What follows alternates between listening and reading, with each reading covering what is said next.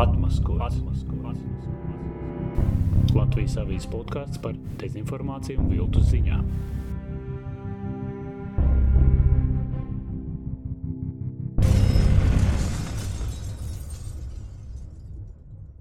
Atmaskots 21. epizode. Šoreiz būs saruna par karu Ukrajinā un Kremļa propagandu. Tāpēc esmu aicinājis kādu, kurš daudzus gadus tam ir uzmanīgi sekojis un pētījis politologu, bloga Latvijas drošības veidotāju Andi Kudoru. Sveiks! Sveiks! Aicinājums līdzināt un dedzināt Ukrāņu bērnus. Kaut kas tāds Kremļa propagandas izpildījumā šobrīd droši vien vairs īsti nepārsteidz. Tomēr pēc tam, kad vienā no televīzijas kanāliem tas bija izskanējis, Krievijā pēkšņi sākās negaidīta rosība. Tajā skaitā pat mēģinājumi kā, norobežoties no šiem izteikumiem. Tomēr par šo tēmu mazliet vēlāk. Vispirms par aktuālo. Ukraina atbrīvojusi Hersonu. Viena lieta, protams, ir tas militārais konteksts, ko tas maina, bet ko tas nozīmē informatīvajā karā. Krievijas puse turpina stāstīt, kādi viņi ir varoņi un rībina uzvaras uzbrukuma bungas atkāpjoties ir skaidrs, ka viņi nespēja noturēt eh, to krastu, un, un pašlaik viņi veido gan Doņetskā, eh, gan, gan eh, Krimas ziemeļos, gan pie Helsonas aizsardzības nocietinājumus, gatavojoties noturēt kaut ko, ko viņi vismaz vēl mēģinās saglabāt. Redzams, ka Krievijas propagandisti ir samulsuši, jo viņiem ir grūti, un viens no NTV propagandistiem runāja vispār ļoti specifiski. Principā tas bija tāds jau kritika eh, gan aizsardzības sektoram, gan politiskajai vadībai. Proti, ja viņš tagad pateikšot, ka viņš atbalsta, ka bruņotie spēki ir atvilkti no, no Helsonas, tad, viņš, uh, tad viņu var sodīt pēc tāda un tāda krimināla panta. Viņš iebilst pret diskreditāciju uh, Krievijas bruņoto spēku. Jā, tur bija kaut kādi divi panti. Jā. Uh, jo nedrīkst, uh, nu, nedrīkst kritizēt tur, uh, tā saucamo speciālo operāciju, militāro, kas īstenībā, protams, ir Krievijas agresija pret Ukrajinu. Un tad viņš teica, ja viņš neatbalstīs, tad atkal viņš ir pretrunā. Ir tad, vai vienalga, viņš teica abas variants, ja viņš pateiks, ka viņš atbalsta, ir, ir problēma, jo kā tad tā, tā taču ir Krievijas teritorija. Pēc viņa izpratnes, protams, ka tā nav. Mēs redzam kaut kādu mazi, mazas plaisas parādās arī pret tiem propagandistiem. Bet, nu, tur ir kopējais skats ir, ir diezgan nožēlojams, jo tie cilvēki ir upurējuši savu morāli. Viņu sirdsapziņa ir kaut kur tik tālu aizstumta. Viņu morālā degradācija ir acīm redzama, to ir nepatīkami pat vērot. Ka tie cilvēki, kas agrāk ir pirms daudziem gadiem, ieskaitot pašu Salovu jau starp citu, viņš runāja par mēdījiem ļoti sakarīgas lietas, par demokrātijas principiem mēdīju telpā.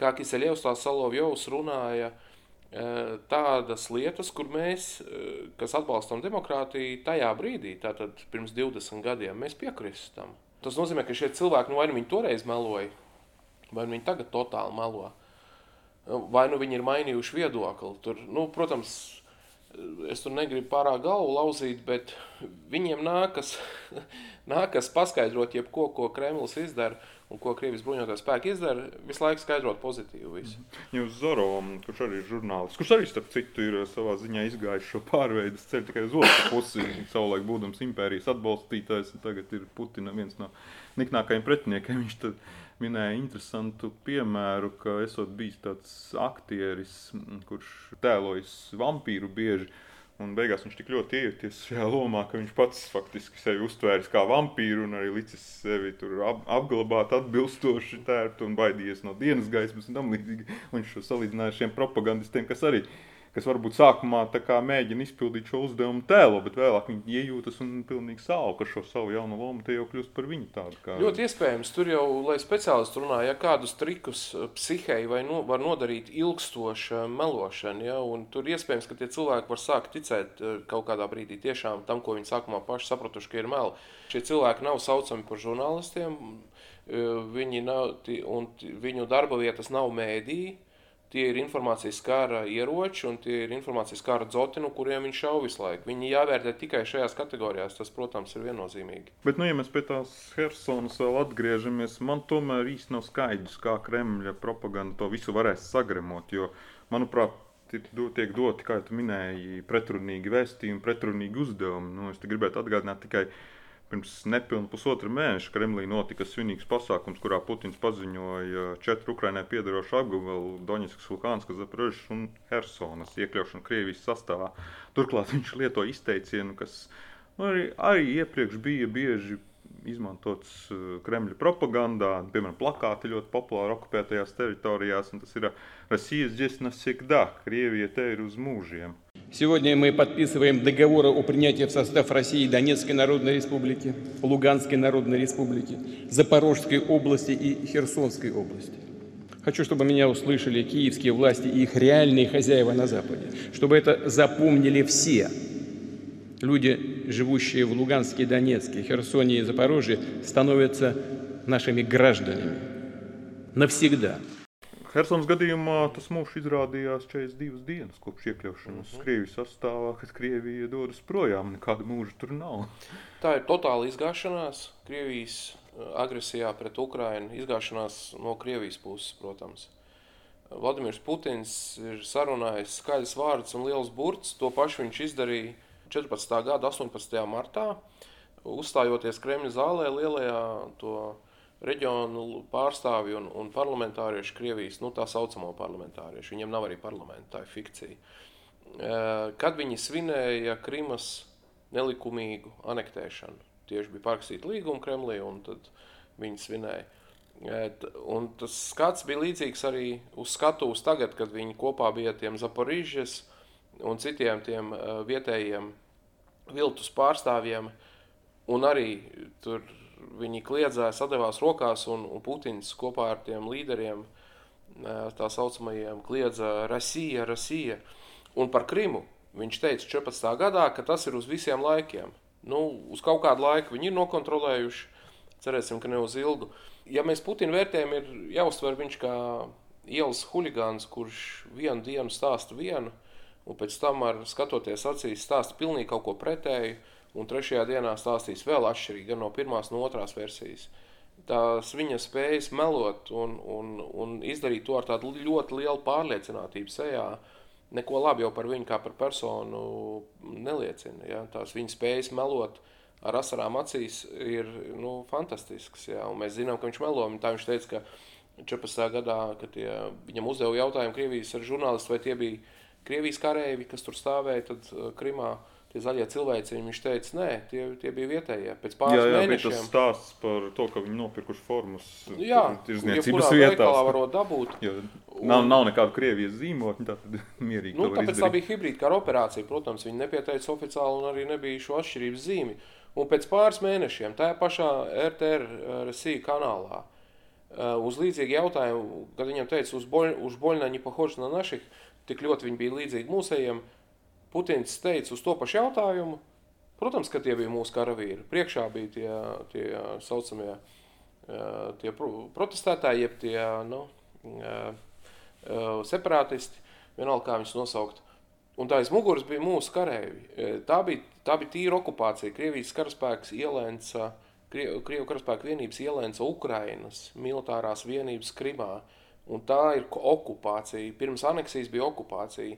Krievija turpina PSRS tradīcijas. Melot arī Baltijas valsts okupēja hibrīda operācijā. Bija militārie draudi. Hibrīda karš ir tad, kad ir abas komponentes, gan konvencionālā, militārā komponente, eh, gan viss, ko var saukt par asimetrisko. Ja, informācijas karš, uzpirkšana, uh, meli, proxy war, jeb ar citu rokām īstenošana. Tas pats bija 40. gadā, tas pats ir 14. gadā. Krievija turpina PSRS tradīcijas, agri, kā īstenot agresiju pret kaimiņu valstīm. Jā, bet nu, tas, ko piemēr, ko tu mini, tas ir, ka viņš samelo, un, un vēlāk viņš tā kā iznāk uzvarētājs no šiem meliem. Nu, es te mazliet pamā, pam, pamānījos, bet nu, tagad mēs esam sasnieguši to mērķi, ko mēs gribējām. Bet šeit jau ir pretējais viņš kaut ko pārliecinoši apgalvo, un pēc brīža izrādās, ka tie ir bijuši nu, pat ne meli, bet izgāšanās. Kā to visu tagad propaganda spēs iepakot un pasniegt, uh, kad nu, Krievija te ir uz mūžiem, bet, jā. bet nē, mums tam ir jāiet projām. Propaganda to pasniegs kā ģeniālu militāro manevru, ka uz laiku jāatkāpjas. Jā, līdzīgi kā atstāja uh, Maskavu, jā, Napoleona mm -hmm. intervences laikā. Viņi pasniegs to, ka ģeniālu militāru atkāpšanās soli. Viņi jebko, tas, uh, šo propagandistu radošums jau ir diezgan liels, bet te es domāju, es gribu vērst uzmanību uz Krievijas auditoriju iekšējo. Ko tas liecina par Krieviju, ka, ka, ka Putins ir melojis vēl, vēl un vēl. Ir teicis, ka konstitūcija nepārtaisīs pats Sibjā, kā viņš teica, tātad atbilstoši savām interesēm pārtaisīja. Pensijas, pensionēšanās vecuma nepaukstinās, paaugstināja. Un tā mēs varētu garu rindu sarakstīt, ar ko viņš ir teicis, un pēc tam ir bijis atšķirīgi. Krimu, neok, Krimu neokupēšot. Vēl pirms tam teica, ka citus, citus reģionus neokupēs. Ja? Pats Solovjovs arī no skatuves runāja, ka priekš kam mums Krima, kad viņam no auditorijas, viņa radošajos vakaros, kad viņš tur uzstājās, jā, viņam prasīja viena kundze, vai nevajadzētu Krimu paņemt atpakaļ. Un viņš teica, priekš kam mums un kādā sakrā, tad neviens normāls to negrib darīt. Viņi, viņi tur daudz ir sarunājuši absolūti pretrunīgas lietas. Krievijas auditorija to, to visu apēda. Un tā mēs runājam, tāpēc ir vēl un vēl jāuzsver, tas nav tikai Putina karš, tas nav tikai Kremļa karš, tas ir Krievijas karš. Atmaskots. Parunāsim varbūt mazliet plašāk par to, kā Krievija aizvadītajos deviņos mēnešos ir komunicējusi šo karu. Nu, vai viņi, kā viņi paši saka, speciāla militāra operācija. Starp citu, man šis tieši liekas viens no tādiem lielākajiem orvelismiem, ka karu nedrīkst saukt par karu. Vienlaikus ik pa laikam jau kāds kaut ko nosauc to. Nu, atcerēsimies šī paša pasākumā, mm, kur bija iekļauts šie četri apgabali, kā iekļaut Krievijas sastāvā svinībās, tur tika sarkanajā laukumā aurots, ka tas ir svētais karš un tam līdzīgi. Nu, šo, šo aktieri, kas tur bļaustījās, neviens tā kā nesavāca neezud par to, ko viņš saka karš, bet nu, citiem to nav ļauts teikt. Tad kas, ko tas īsti, kā to vispār iztulkot? Pirmkārt, te ir uh, viens aspekts, ir tāds, ka Putins regulāri un Krievija kopumā pārkāpj starptautiskās tiesības, starptautisko tiesību principus, tā skaitā arī par karu, par, par to, kas ir jusat bellum, jeb taisnīgais karš, kas ir ANO tātad noteikts, ja mēs varam aizstāvēties. Un Putins vēlas kaut kādu legālismu komponentu uzturēt. Piemēram, tad, kad viņš 14. gadā uh, okupēja un anektēja Krimu, uh, eh, viņi rīkojās atbilstoši it kā Krievijas likumdošanai. Eh, parlamenta augšpalāta federālā padome pieņ, pieņēma lēmumu, ka militāros spēkus drīkst ievest. Tādu pašu lēmumu arī tagad federālā padome, jeb parlamenta augšpalāta eh, Krievijas arī pieņēma, ka drīkst lietot spēku. Pēc tam, atšķirībā no 14. gada, šoreiz tajā formulējumā nebija minēta valsts, ka vispār var lietot spēku ārvalstīs. Tas ir tāds draudu mājiens jebkurai citai valstī. Uh, 14. gadā teica, ka Ukrainā jāpieņem šoreiz bez valsts nosaukšanas. Jā. Juridiskos argumentus es pat mazliet saprotu. Nu, tur kaut kā mēģina kaut kādas, no kaut kādām konsekvencēm izvairīties.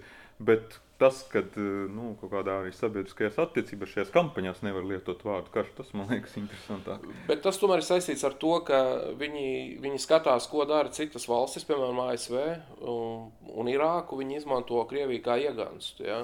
Un es uzskatu, ka ASV solis Irākā 2003. gadā bija kļūda, to nedrīkstēja darīt, nebija pietiekama pamatojuma. Un šādi soļi, šādas kļūdas Kremlim dod iespēju pēc tam teikt, ak, tā, nu mēs ar tūlīt, jā, mēs darīsim. Ja rietumos arī līdzīgās situācijās runā par kaut kādu operāciju, jā, tad, tad Krievija arī tagad runā par operāciju, lai nebūtu it kā viņi tāpat neizbēgs no starptautisko tiesību pārkāpuma nosodījuma. Jā. Viņi neizbēgs pārāk jau ir melnbalts šis karš, ko, ko Krievija īsteno.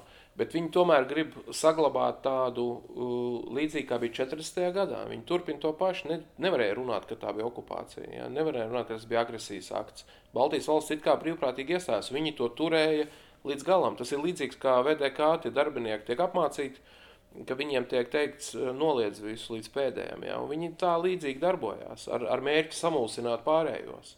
Bet nu, šoreiz ir tik traki viss. Karš ir tik melnbalts, Krievija ir agresors, Ukraina aizstāvs, Ukraina aizstāvs taisnīgi. Ukraina drīkst karot arī par Krimu un par jebkuru uh, savas teritorijas daļu, Krievijas okupēto. Ka Krievijai būs grūti, un tas ir, šis, ir, nu, šis nepalīdzēs. Šoreiz viņiem tas nepalīdzēs, ir, ir par traku. Mēs pat Vācija ir pārslēgusies tajā retorikā, pat Vācija, kas ilgus gadus uh, mēģināja visu laiku būt tie, tie draugi un tie, kas tagad aicina uz sadarbību.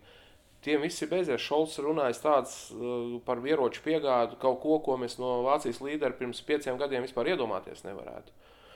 Putinam nav vairs iespējas ar taisnu muguru iziet ārā. Eh, tas, ka tur ir Orvela lietas un, un ir absurdas lietas, tas ir katru minūti mēs viņa ziņās to varam redzēt. Tas rāda tikai par morālo degradāciju, režīmu, cilvēku morālo degradāciju. Vēl viena pazīme, kas raksturo šo komunikāciju saistībā ar karu, ir naids.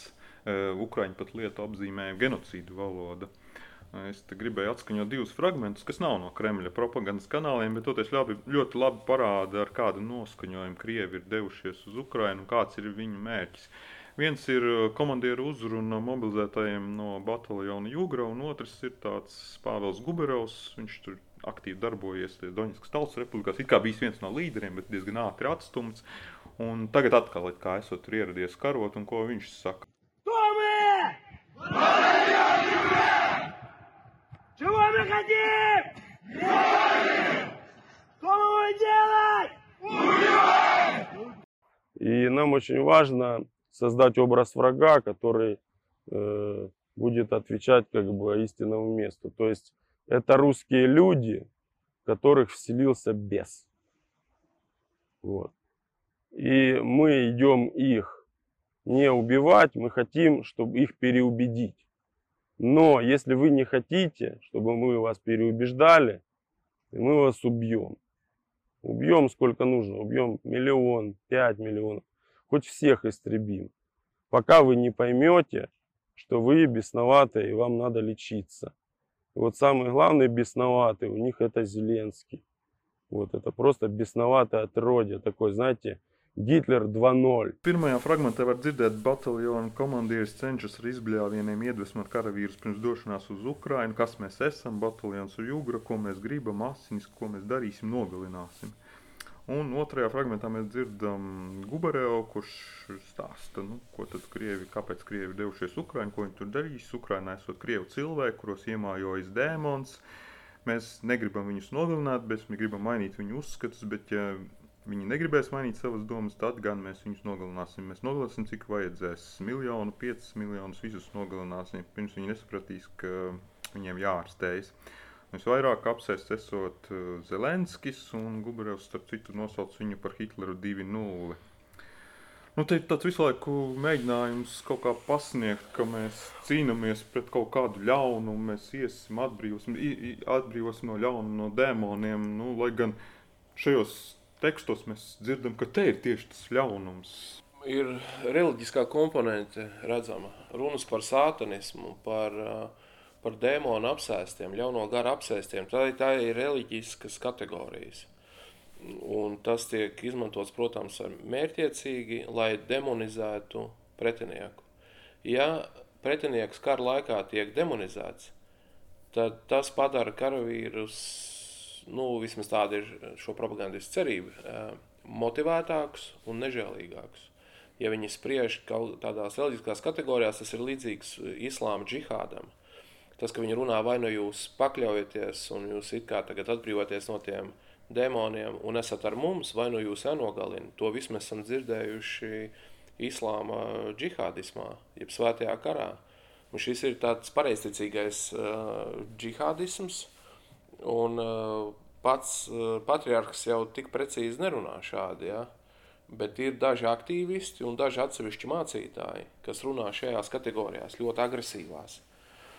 Un uh, pareizticīgais diakons Kurājevs, kurš arī bija ilgadējs augstskolas pasniedzējs, viņu varētu nosaukt par kristīgo filozofu. Viņš ir pareizticīgais, kur es cienu, un viņš ļoti skarbi ir kritizējis šo visu pozīciju, kas ir no, no Maskavas patriarchāta nāk, no, ne no visiem ticīgajiem, ne no visiem mācītājiem, šis ir jāuzsver, bet no daļas noteikti. Tad šie aktīvisti, kas ir, kas principā ir bandīti un, un slepkavas, ja viņi šo tagad pievēl klāt, nu, es tagad ne, ne, nerunāšu no reliģiskas perspektīvas, ko tas nozīmē, bet no politiskas perspektīvas – mēģinājums demonizēt un principā arī attaisnot sevi. Jā. Nav zināms, kas tur viņu pašu sirdsapziņā visiem ir. Viņi, ir, viņi mēģina vienkāršot pasauli, parādīt, ka ienaidnieki ir, ir ļaunie.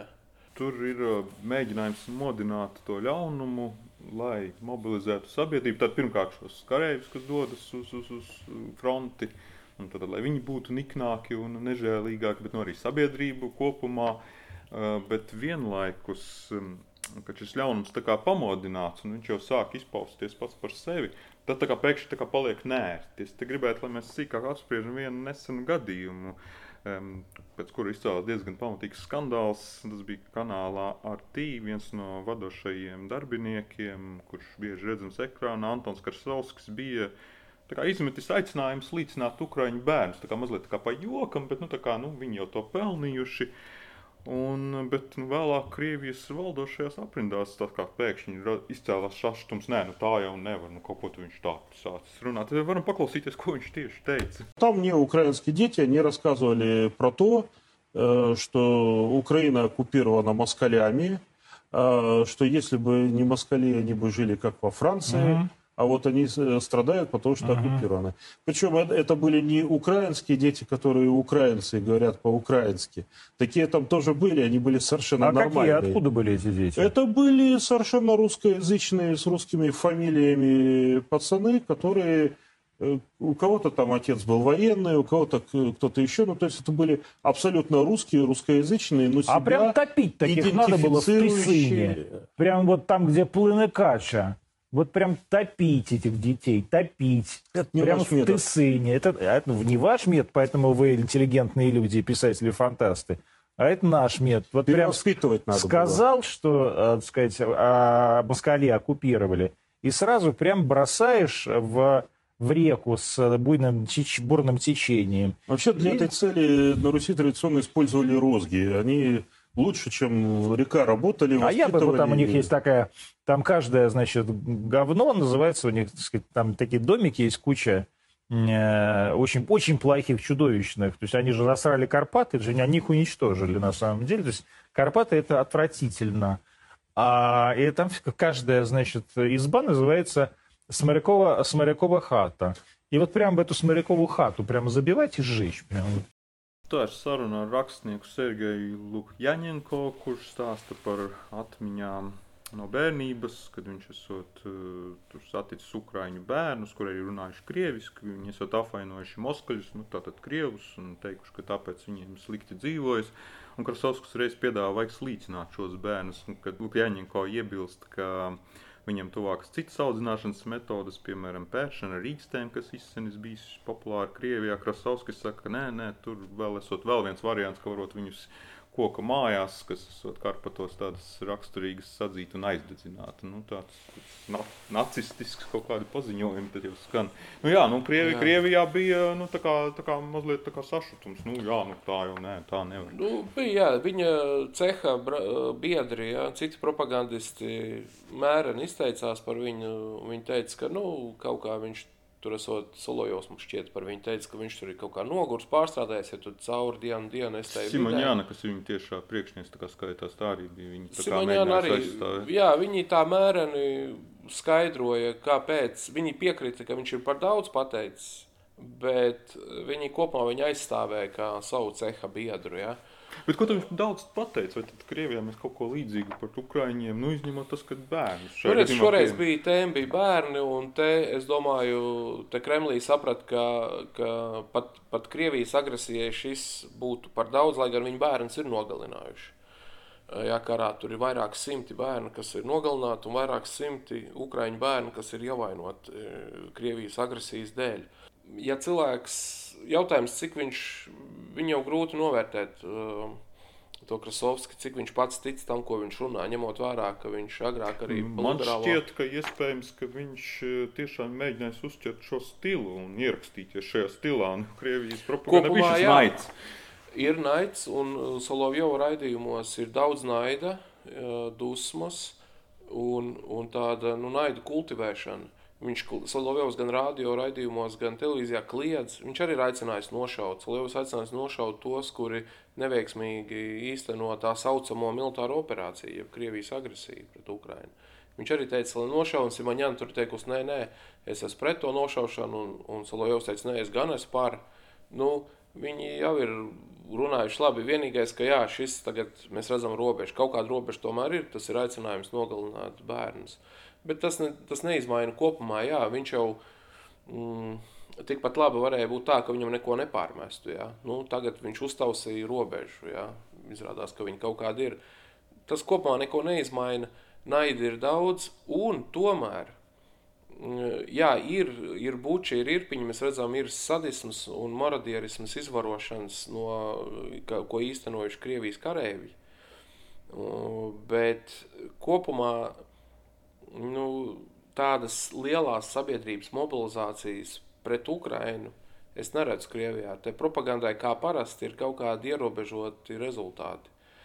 Ir, es teiktu, ka tas lielākais, neteiksim ļaunums, bet kaut kas, kas ļauj Krievijas militāru personām un Kremlim un teiksim, visai tai aktīvai politiskai daļai īstenot šo agresiju, ir tas, ka, nu, ka cilvēki ir, ir vienalga. Viņi ir gatavi nosēdēt, nogaidīt. Es domāju, Krievijas pilsoņiem, gatavi bēgt uz ārzemēm.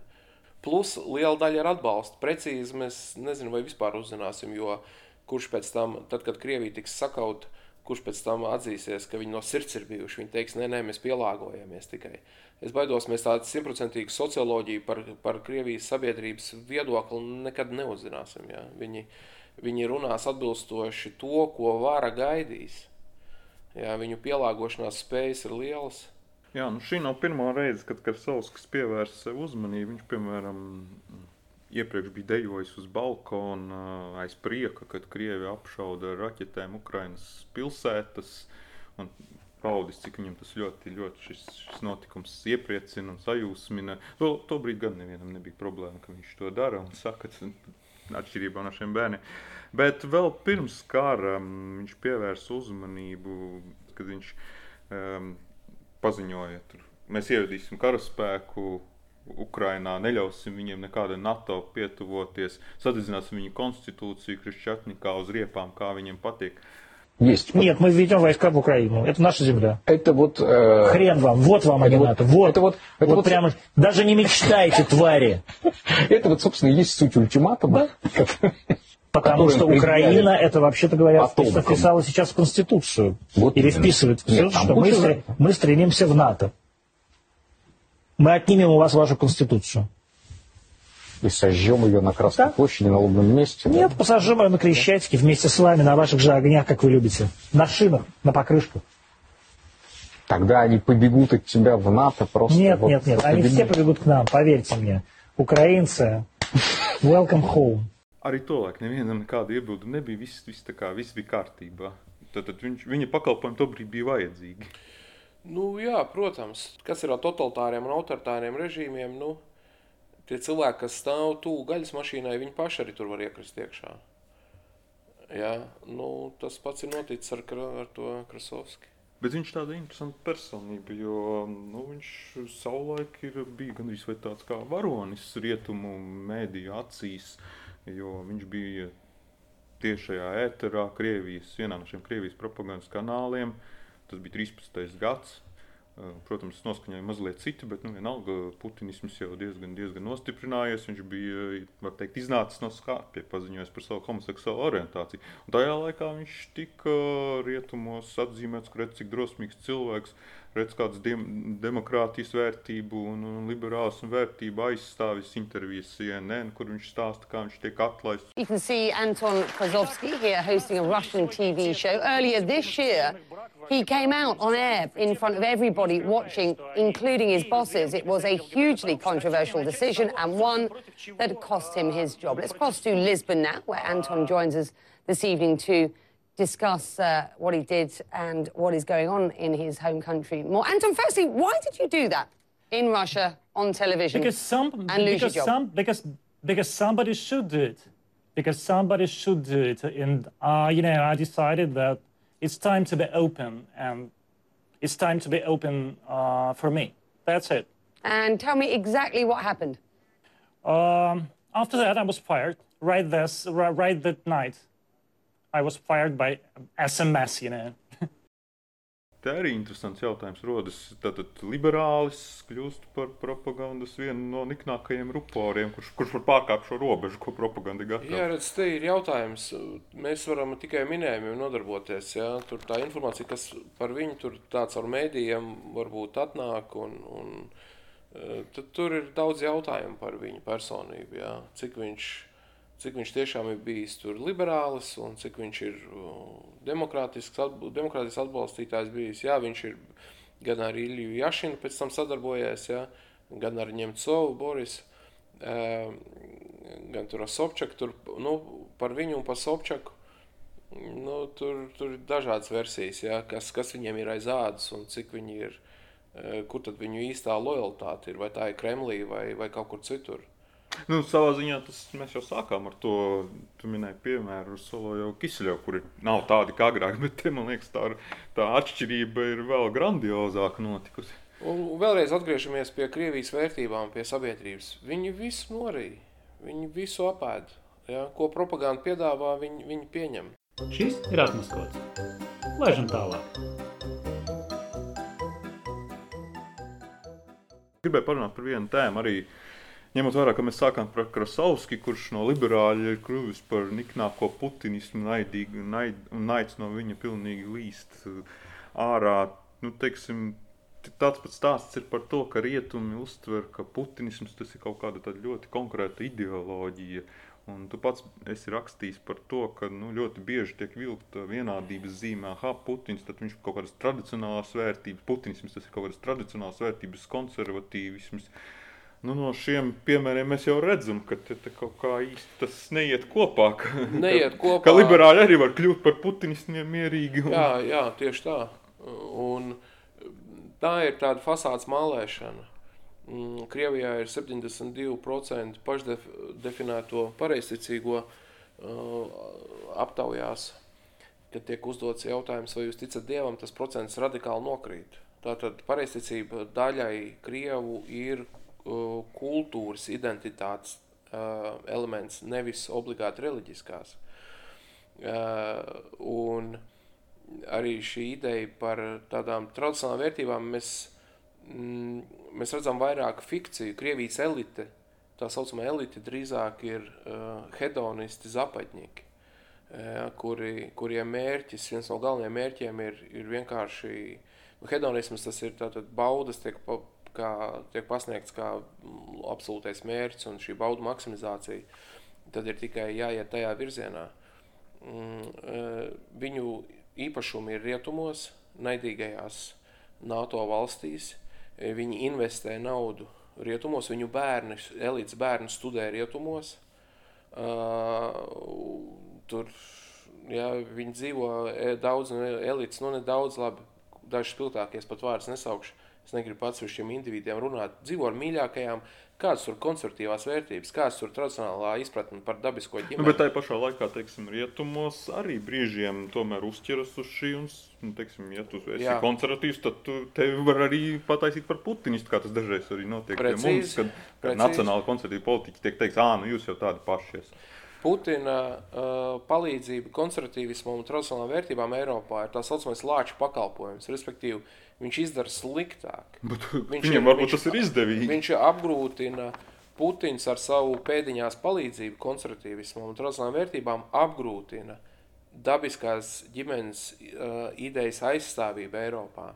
A, kāpēc viņam būtu jāizstāv kaut kādas dabīgās ģimenes Eiropā? Viņam tāda mērķa pilnīgi sašķelt. nav. Viņam mērķa nav. Putina paša personiskā dzīve par to liecina. Uh, nav viņiem mērķa, bet mērķis ir sašķelt rietumus. Un viņi meklē jebko. Ja augstā kara laikā Padomu Savienība uh, apelēja pie kreiso intelektuāļu naivuma un tādējādi šķēla rietumus. Un, un, un uh, Kūdija GRU organizēja protestu mītīņus rietumos. Tāpat tagad Prigožina troļļi kūda konservatīvos amerikāņus. Un, uh, un ne tikai šķirtne ir ne tikai konservatīvisms, liberālisms, bet arī uh, vispār valsts institūcijas un tauta.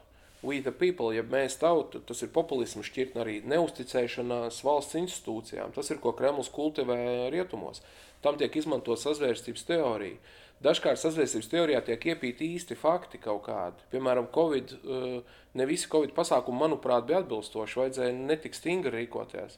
Kremls to redz, viņi pielēja eļļu ugunī klāt, ja, un tur, kur ir kaut kāds šaubas par pareizu rīcību, viņi, viņi pastiprina to, viņi piepina klāt. Viņi meklē visādas- visas iespējamās šķelšanās. Jebkuras līnijas, tātad viena būs etniskā līnija, Latvijā, piemēram, jā, latviešu krievi, viņi kūda tad savstarpēji. tad ir uh, uh, nu, sevišķi jau Krievs arī, lai viņi nepieļautu Latvijas kā nācija valsts nostiprināšanos. Es ticu, ka latviskumam ir ekskluzīvas tiesības Latvijā, un nevienam pret to nevajadzētu iebilst, bet Kremlis kūda tad Krievu aktīvists, kur tad iebilst pret to, un tad pieminekļa jautājums, tad vēstures līnija, vēl viena šķeltniecības līnija, ja, ko viņa kaimiņu valstīs stipri kultivē. Mēs sakam, bija okupācija, viņi saka, nē, brīvprātīgi jūs iestājāties. Liberālais konservatīvais, tātad valdība pret tautu, tautu pret valdību. Amerikā viņi kultivē rases tematiku, melnie pret baltajiem, baltie pret melniem. Ja? Uh, ir, es, es lasīju pētījumus 2016. gadā, kas tika īstenoti ASV, kur vairākas domnīcas un augstskolas uh, izpētīja Twitter, Instagram un Facebook datus, milzīgu blāķi par 16. gadu. Viņi konstatēja, ka Prigožina troļļi interneti ir saražojuši milzīgu skaitu viltus kontu un profilu un saražojuši milzīgi daudz tvītu un, un Instagramā vēstījumu, uh, kur kūdījuši amerikāņus. Ja, ir, ir konkrēts gadījums, kur viņi vienā no pilsētām ASV ir sakūdījuši caur Facebook melnādainos uz protestu mītiņu pie policijas iecirkņa. Un vietēji amerikāņi nezināja, ka viņus ir sakūdījis kaut kāds, pieņemsim vārdā, Sergejs vai Koļa, kurš sēž ar nogurušām acīm Sanktpēterburgā pie datora un tur bliež virsū. Šī šķeltniecības līnija, vienkārši šis konservatīvisms un liberālisms ir viena no līnijām, kur Krieva arī piedalās ar šķelšanu. Mm. Un es kā konservatīvais saku, tas ir nožēlojami un tas ir tik žēl, ka viņi bojā mums, konservatīvajiem, iestāties par savām vērtībām Eiropā. Jo mūs tas sasaista uzreiz ar putinismu, un tas ir tieši tas, ko viņam vajag. Bet, manuprāt, Putins diezgan veikli izmanto gan konservatīvo, gan liberālo dienas kārtību. Nu, konservatīvais vienkārši ir līdz šim vairāk pieminēts, bet nu, es te varu piemēru, kur viņš tikpat veikli paņem šos liberāļu un, un, un šīs tās augstās valku kustības saukļus un, un tādas, tādas kā mm, Black Lives Matter retorikas un, un stāsta par rietumiem, ka tie ir kolonizatori, rasisti. Arī citu, šajā pašā uzrunā, ko mēs jau pieminējām, varam paklausīties vienu fragment, kur viņš to ļoti veikli sapņo. Их гегемония имеет ярко выраженный характер тоталитаризма, деспотизма и апартеида. И в этом нет ничего нового. Ничего нового в этом нет. Западные элиты, какими были, такими и остались, колонизаторскими. Они дискриминируют, разделяют народы на первый и иной. Mēs dzirdam, ka Putins saka, nu, viņi kādi bija tādi palika kolonizatori, bet principā šos pašus izteikumus es esmu dzirdējis iepriekš arī šajos kreiso liberāļu pasākumos, kur arī pārmet šo kolonālo pagātni, kura joprojām nav pārvarēta un, un kur ir vēl kas, nu, Putins tagad runā viņu valodā. Precīzi, ja Eiropa mainstreamā, ja pamatstraumē būtu konservatīva, tad Putins ieņemtu liberālu pozīciju. Ja mēs klausāmies, ko viņš runāja 99. gadā, 2000. gadā, viņš mierīgi to varētu izdarīt. Viņi skatījās, kas, kura ideja tagad ir jāpārņem, lai varētu uzbrukt rietumiem. Es uzskatu, ka Putinam un viņa pārējiem tādiem cilvēkiem, saucamiem, jā, bijušiem spēku struktūru nesošajiem spēku struktūru pārstāvjiem, galvenā vērtība ir, ir vara un nauda. Un tas pārējais tiek izmantots ciniski. Vienkārši lai meklētu dzirdīgi savus rietumos, un diemžēl daļa, kas nav iedziļinājušies putinismā, kuri nesaprot, ka tas ir cinisms bezvērtību kaut kāds uh, komplekts, Eh, kur īstais varētu mēs runāt par kaut kādu ģežarničismu, jeb stipras varas ideju, ja, kur īsti nav ideoloģija, bet nu, kaut kādas idejas. Mm, es domāju, tie ir cilvēki, kas 80. gados, 70. un 80. gados veidojās un pierada padomu savienībā, ka nedrīkst patiesību runāt un mierīgi var melot un domāt trešo. Un tas ir viņu veidē kā pieredze arī, kur, kur ir kur, kur jāmelo, kur jāmelo, jāmaldina ja, auditorija. Nu, tas ir precīzi Viņa plus vēl bandītisms no 90. gadiem. Jā, un, nu, lūk, mēs redzam to, to komplektu, kas ir sanācis. Politologs Andris Kudors, paldies par sarunu un līdz citai reizei. Paldies! Tu esi atmaskots.